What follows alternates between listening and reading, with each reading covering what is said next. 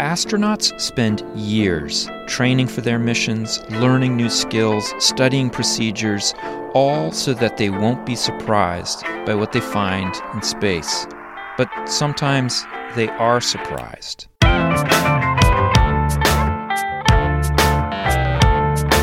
It's time to eat the dogs. I'm Michael Robinson. Today, astronaut Garrett Reisman talks about life aboard the International Space Station. Reisman flew on two shuttle missions to the station where he conducted three spacewalks. He joined SpaceX as Director of Space Operations in 2011, and this year he joined the engineering faculty at the University of Southern California, where he's teaching courses on human spaceflight. Garrett Reisman, thank you so much for talking with me. Oh, my pleasure. It's uh, great to be here. So, you became a NASA mission specialist in 1998, and your first shuttle mission was a decade later in 2008. I was wondering what astronauts do, you know, between that time of uh, selection and flight. Ah, okay, yeah, that's a good question. Well, we practice like astronaut things. so, um, we do a lot of training to stay proficient. And really, so when you first get there, your your first year, one to two years, is basic training, and that mm-hmm. covers. When I was there, that covered the space shuttle and all of its systems, kind of all the classroom learning you have to do, and also the space station. So we split our time in two groups and went back and forth between shuttle and station. And at the same time, there's a lot of fun stuff you do that first year. You do uh, water survival training at Pensacola. We did land survival training with the Navy uh, SERE School up in Brunswick, Maine. And uh, we learned to fly the T 38s, which is fantastic. I had a lot of fun flying that thing. And, and so you do a bunch of that stuff for about two years, and then your basic training is over. And at that point, you're waiting to be assigned to a mission. And in, as you pointed out, uh, in, in our case, that took a while because they hired a bunch of us thinking that the space station was really ramping up, but the schedule on that got delayed and and then we had unfortunately, and then we had a tragedy. We had Columbia, yeah, and that grounded the fleet for a couple years. So, um, so the combination of those two things let it be a while before we were finally assigned. While you're waiting to be assigned, you do a bunch of different jobs in support of other missions. So you can be a Capcom and sit in mission control and be the voice of mission control to the crew.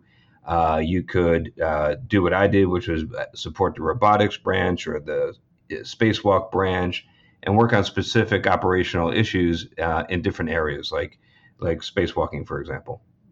Um, there's a bunch of other jobs too, but you basically have a desk job, and you spend a little bit more than half your time doing that, and and then the rest of your time you're staying proficient at all the things you're trained on, so you don't forget like how that space shuttle worked and how the space station works and stuff. So this is a full time job. You're not you doing work, you know, over the summers. You're a full time NASA employee for the ten oh, yeah. years. yeah, yeah. Once you get selected, then you're uh, a full time, uh, either a civil servant, uh, which I was, or if you're uh, currently active in the military, you could continue on active duty.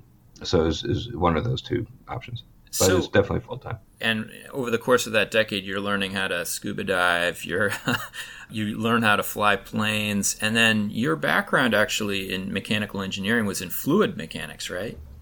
That's right. Yeah, and and so you know we came. There were two basic types of astronauts when I was there. They were pilot astronauts, which were all military test pilots, and they were the ones that were actually on the controls of the shuttle during landing and launching.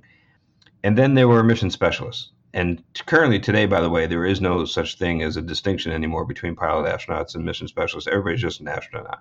Huh. But um, as mission specialist, you could be a scientist, you could be an engineer, you could be a medical doctor, you could be a Navy SEAL, you could be a Coast Guard helicopter pilot, you could be a veterinarian, uh-huh. you could be like anything. We had one guy who was a mission specialist in my group that that was a wide receiver in the NFL.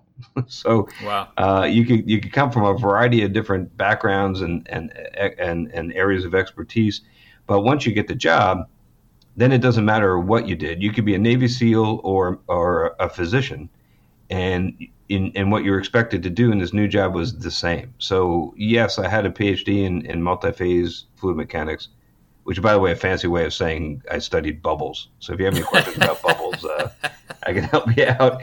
Um, but it, but it didn't matter. I didn't really use that. Uh, it's certainly not at, at the PhD level uh, as an astronaut. It, that uh, it helped in a sense um, when I was relating to the uh, principal investigators, the scientists that had experiments on the space station. Uh, uh-huh. It helped that I was a fellow scientist uh, and and I could talk the talk, but that was just it, they could have easily had to uh, work with a Navy SEAL instead of a scientist. So huh. we were all expected, and at the same time, you know, I was expected to do a spacewalk. So it, it didn't really matter. Yeah, it's uh, interesting. You were talking about how these uh, distinctions between um, test pilots and uh, mission specialists has kind of disappeared. I had uh, the space historian Matthew Hersch on two or three months ago, and he was talking about how big that distinction was. Uh, you know, in the early generations of uh, of NASA, how you know there, was a real pecking order, but but that was gone by the time you got there. Uh, I wouldn't say it was gone by the time I got there. There was still we still had the distinction between the pilot astronauts and the mission specialists. The thing that that really it was the end of the shuttle program that that uh, ended that distinction. Uh, so that was right just after I left uh, in in 2011 is when we flew the last shuttle. And the reason for that is that the new vehicles we're designing, and right now for NASA that we're talking about three new vehicles: the uh, Orion vehicle that they're developing, the the SpaceX vehicle, the Crew Dragon vehicle that I was working on when I was at SpaceX, and and then the Boeing vehicle, the CST-100. All three of those are really designed to not require the skill set of a test pilot to operate. So that uh, and and the Soyuz was was similar in that regard. So we already we already started going down that road with the Russians when we trained up our um, we trained up uh, mission specialists like myself that were not test pilots to fly as the flight engineer on the Soyuz. Uh, so that was the start, really. Mm. Uh, but now, as we go forward, these vehicles are so technically advanced and uh, and have a lot of autonomy, a lot of automation, so that you, you really don't have to be a, a steely-eyed miss, missile man. You don't really have to be Chuck Yeager. Yeah, uh, is, is designed so that you don't have to be. So um, you know, there's so much information, uh, even available to the public, about what it's like to go up in the shuttle. And I'm sure that that's multiplied by 10 for you over that period of time when you're training to go up. Was there, you know, what was it like for you? And was there anything that uh, was unexpected that, that really uh, people hadn't prepared you for? Uh, I mean, you can never be fully prepared for, for both the, you know, the visceral event of, of launching uh, that, that intensely dynamic experience is, is uh, quite uh, an adrenaline rush that you don't get from the simulator. And then also, um, when you, especially when you're talking about like doing a spacewalk and something, there's no way they can simulate adequately the the view. So when you open that airlock and you're coming out, and, and then the sun rises and you see the entire Earth in front of you, that there's no way to, to practice that. so that wow. you just uh, have to deal with the first time you see it. See, yeah, yeah, so you know, since you brought up your spacewalk, I mean, um, just so that uh, listeners know, you were on three spacewalks, and these are not small spacewalks; these were at least seven seven hours long each, right? Yeah, yeah, because um, you have about nine hours of oxygen in your suit, and they try to wring out as much work out of you as they can. So they figure, well, we'll give you at least an hour of reserve. So that, that's why they, are not going to. It's pretty rare that a spacewalk uh, lasts less than seven hours. I mean, in my head, when I look at the pictures of uh, of spacewalks, I think I probably do what most of us, uh, you know, land based uh, people who never go into space think, which is, wow, that must be amazingly cool. But then I think, you know, you were doing seven hours of work. I mean, was it the kind of thing where like, yeah, I've seen this beautiful view, but you know, God, I'm going to be out here for seven hours. Or you know, is was is there an aspect of wonder that that maintains through it? What's what's it like? No, no, it it it it is incredibly awesome, and and uh, you you never uh, you know at the end of the seven and a half hours, if they let you stay out longer, if you had enough oxygen to stay longer, you would. Uh, it's not really wow. Every I think everybody comes back in the hatch reluctantly uh, because it's such an incredible experience out there. And yes, you're working really hard. It is exhausting. You know, I, I never the, after each of my spacewalks, I think those are some of the best night's sleeps I ever had. Yeah, because uh, you're just physically spent and mentally spent as well. It's both you know a, a, a uh, intellectual and a physical challenge and so so it's um it, it's draining. Yeah. Uh, but it's also you you when if it goes well, and fortunately, all three of mine went well. Uh, you come back inside with this uh, tremendous feeling of elation because uh, you you've been training for so long, and and for and, and spacewalks are, are typically the highlight, especially for a mission specialist. That was one of the top things you get to do, and, and and also one of the most challenging things you get to do, and the thing that you focus the most on. So when it goes well, and um, it, it you know you come back inside, it's like you just won the World Series, yeah. and uh, it's it's a great great feeling.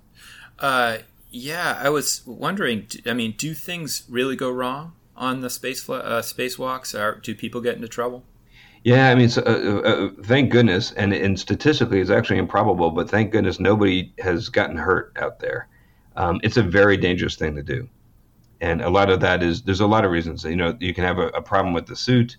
Uh, you can become untethered by making a mistake uh, mm. and float away. You could you could get hit by debris, and um, so all those things are, are it's a very dangerous thing to do. Really, it's just as dangerous as launching or or coming back, uh, re-entering. And we lost shuttles uh, in both of those cases, but fortunately, we never lost anybody doing a spacewalk, even though it's it's really an equally dangerous thing to do. So yeah, it's definitely yeah, it's definitely it's definitely not something that, that you take lightly, but at the same time, it's it's the most incredible experience. I, I one of the most incredible experiences I ever had. I uh, was at Johnson Space Center a few years ago to do some research and uh, got a chance to try one of those um, glove mock-ups where you're, you know, testing out different astronaut gloves by putting them into a vacuum, mm-hmm. and just even that small part uh, was was amazing to see how much uh, work it took to uh, to move these things, which are normally very easy gloves uh, in a vacuum. I can imagine that's probably like multiplied by 20 when you're in a suit and you have to do that for seven hours. Yeah, the suit is the suit. Um, you know, they teach you to try to work with it and not fight it because the suit will win. Is what they is what they beat into your head in training, and it's true. It, it's um, some people say it's kind of like because keep in mind what we're doing out there is we're basically mechanics. We're doing manual labor out there, um, installing new equipment. Uh, like one of my spacewalks, we put on a, a, new antenna on the top of the space station. We changed out batteries. We're we're, we're driving bolts. We're con- we're connecting electrical lines. So it's it's kind of like um, you know we're we're, kind of like it's kind of like working on your house or working on a car, but um, but with the suit, uh, the analogy I've heard, which is pretty apt, is that it's kind of like trying to change the oil in your car while wearing a medieval suit of armor. it's like it's just it's really makes it makes everything more difficult. And part of it's also because the suit is is inflated. It's like a balloon. Yeah. And that's to keep you alive. You need you, otherwise you'd be exposed to, the, to a vacuum of space. So the suit is is basically your pressure vessel, your your um, is your spacecraft uh, that you're inside. So it's puffed up, and and so as a result, just like like a Macy's Thanksgiving Day balloon, uh, the suit wants to stay inflated and, and with the arms out and the fingers extended. And anytime you just you know move your elbow or, or, or just make a fist, you're working against that pressure. Yeah. So you, you do that, yeah. and, but you gotta you know drive bolts. So you're gonna make your fist and and use your use your your fingers a lot. And so as you do that over seven and a half hours, it gets really taxing. Yeah. You know, spacewalk is really a misnomer. I guess it, it, it was a good name for it when we were doing it on the moon. But when you do it on the space station, it's a really it should be called space crawl because you don't use your legs much at all. Your arms are doing all the work. You're crawling along handrail to handrail, moving with your arms, and your legs are really just along for the ride. So what gets most fatigued are, are, are basically your forearms. And if any of you uh, listening have done rock climbing, it's kind of like that how w- when you get fully uh, thrashed and, and your your your forearms are just completely you know spent. It's it's, it's kind of the yeah. same feeling you get after you do a long spacewalk. Huh. You know. Uh it's when when you look at pictures of the uh, International Space Station, there's really kind of two views. There's the external view, usually from far away, where you see all of these kind of solar panels and uh, capsules connected together, and then you see the interior views, you know, the video shots of the astronauts inside, both of which I think tend to make it look kind of small.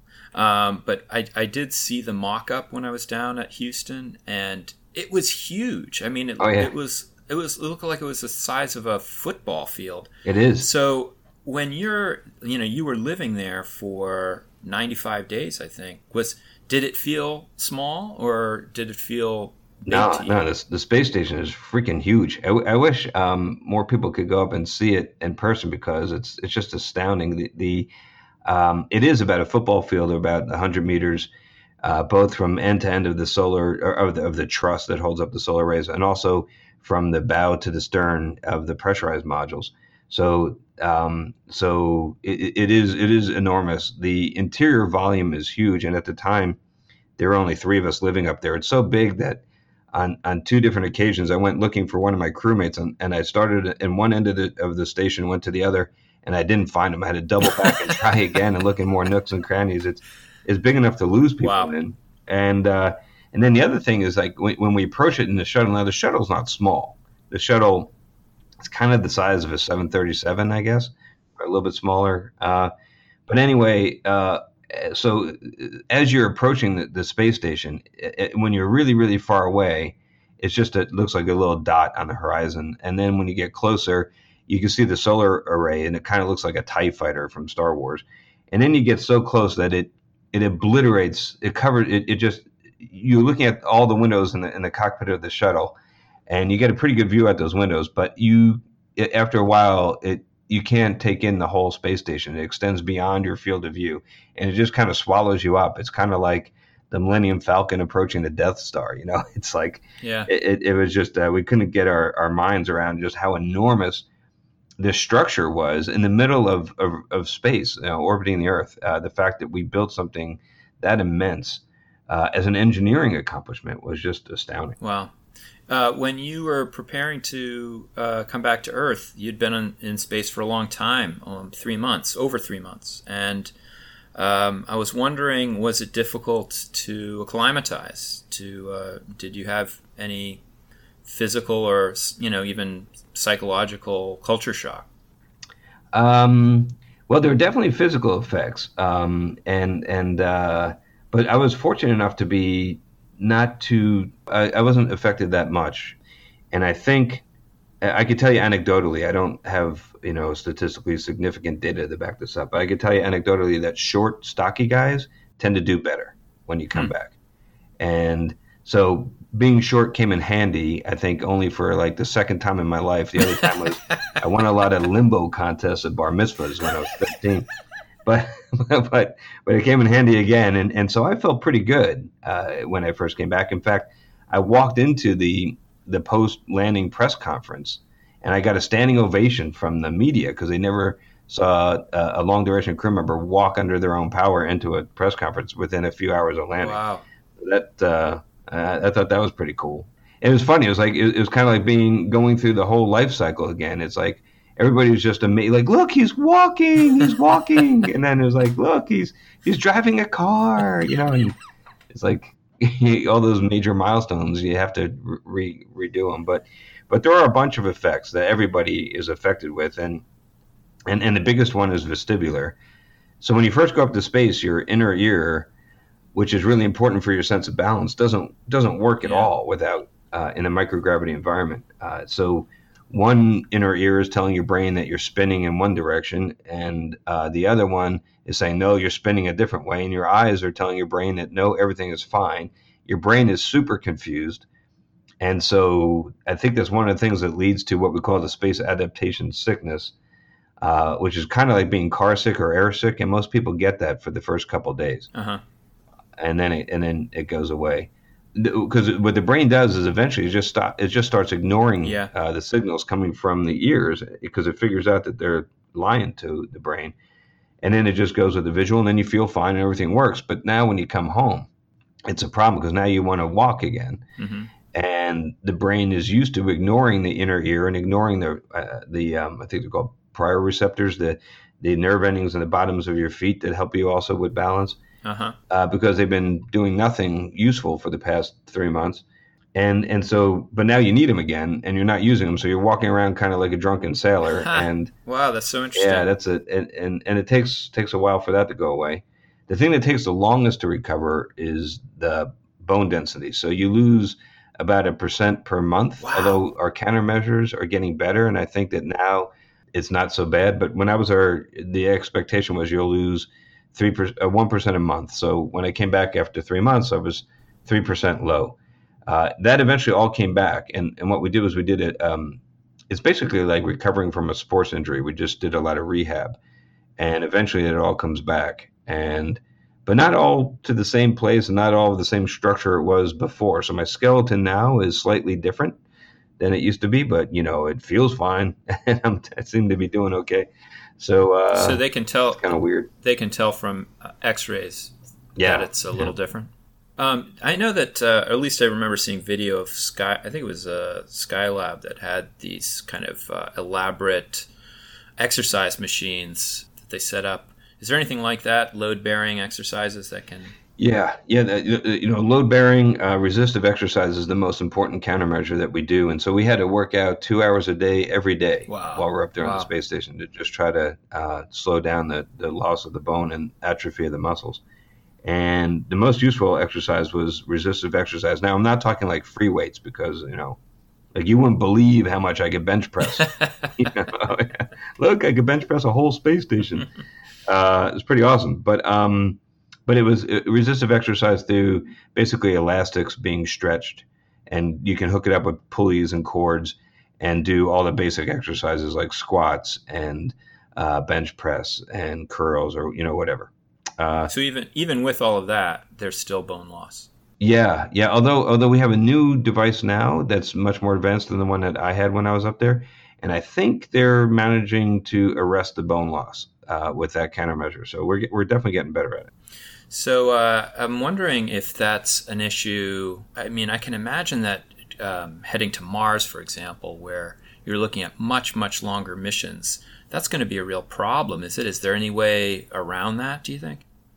Yeah, so there are definitely you know health and medical issues with with doing something like uh, a, a, journey as, as far as going to Mars. Now, uh, we've we've kept people healthy in space for up to a year. Uh, Scott Kelly just came back and, and he was up there for a year. You you can get to Mars as quickly as as only four months. Uh, mm-hmm. So so I'm uh, I'm not so I think you know our countermeasures today are perfectly sufficient for keeping somebody's bones and muscles healthy on a four month uh, journey to Mars. Now, depending on how much prop you have in the in the orbital uh, dynamics, when your window basically when you launch, yeah. it could be you know more like six or seven or eight months. But basically, even even uh, that is enveloped by the time we've we've managed to keep people healthy in Earth orbit. The thing that's different though about going to Mars uh, as opposed to spending a year on the space station is the radiation environment. And so that's yeah. really probably the biggest challenge, finding a, a, good engineering solution to shield the crew from from the radiation.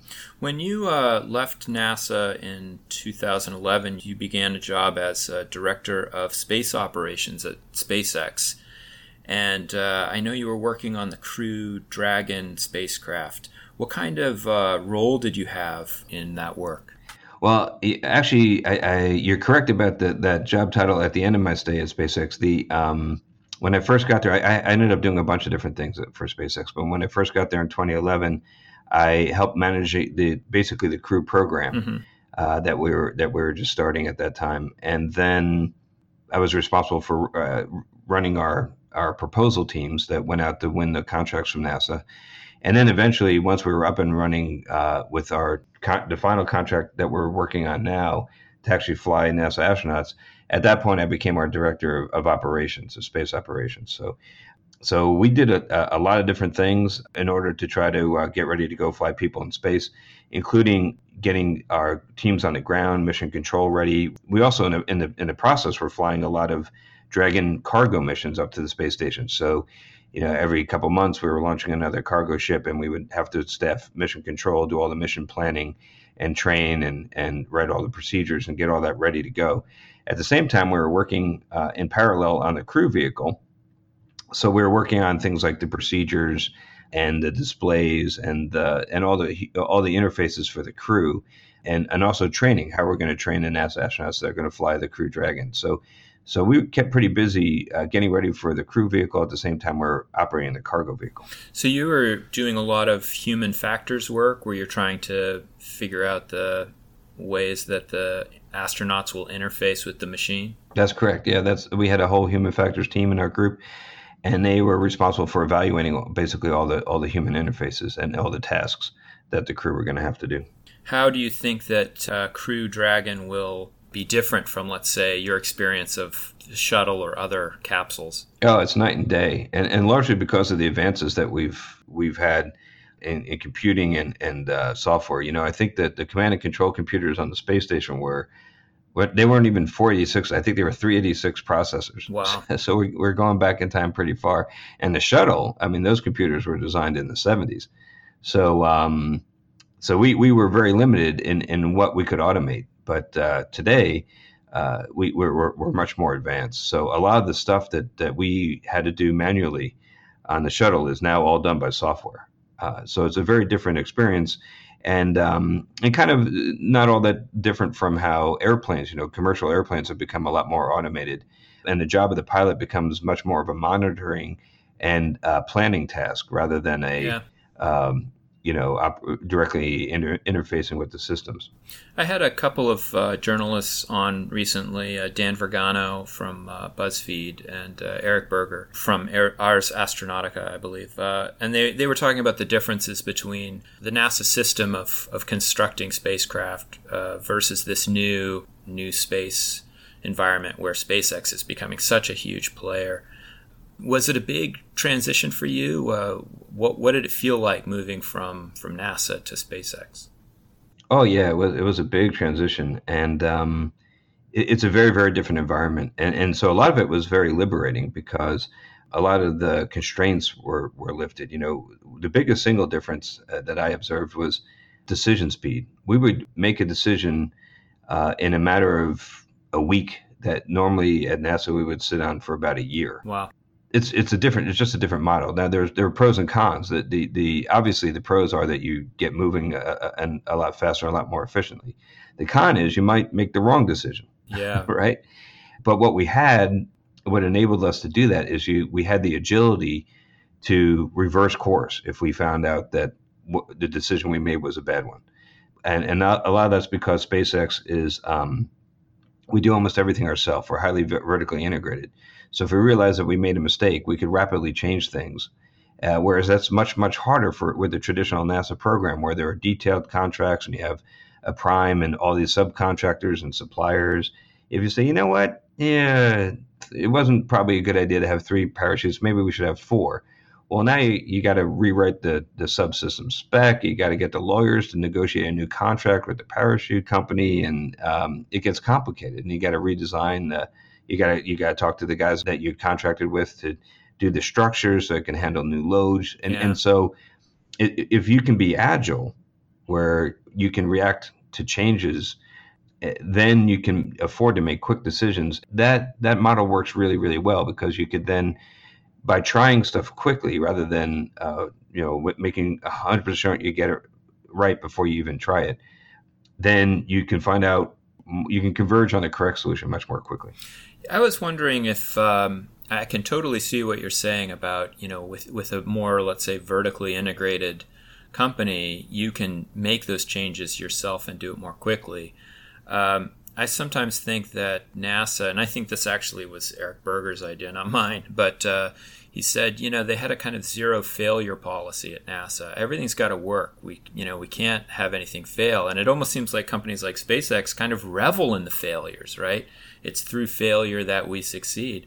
But that gets a little weird when you start, you know, putting humans on on these crafts. So, what, what do you think yeah, about that? That that reluctance to to fail, even during testing, you know, is born of some some big tragedies. Yeah. Some one of which I I was there and lived through, which is Columbia. And it does when things like that happen. It does decrease your appetite for risk, no no question about it. And and and the over overwhelming concern is making sure something like that never happens again. But if that gets carried too far, uh, you, it could lead to a, a case where where you, you just stay deep inside a comfort zone, and that discourages innovation. And it, it also is not good for safety because you can if you don't change anything, and if you just do things the way you've always been doing them, then you're guaranteeing that the safety will not decrease, but you're also you're also locking in safety at the at the technology and capabilities you have now and and you're you you know you don't really have if you don't innovate and get better you're never going to going to jump to the next level of safety Yeah. So, speaking about innovation and change, uh, you're starting a new job at the University of Southern California as a professor of aeronautical engineering. How are you? Uh, how are you feeling about that? What are you going to be teaching? Well, I'm going to be teaching classes all about human spaceflight, and I'm really excited about that. And and because I think my timing is is perfect, mm-hmm. and that is, um, you know, when I graduated uh, from college you couldn't get a job designing a human carrying spaceship. We had the shuttle, we had a couple, you know, R and D projects going, but but nobody was really designing a, a, vehicle that would end up flying people. And now there's multiple opportunities. Yeah. So NASA, uh, with their contractors, Lockheed Martin, are designing the Orion spacecraft. SpaceX is designing the Crew Dragon. You have Blue Origin working on New Shepard and soon New Glenn. You've got Virgin Galactic working on Spaceship Two. So the business is booming. If I took a class in human factors for human space flight, like the course I'm going to offer, uh, pretty in about a month, starting in about a month in the fall semester here at USC.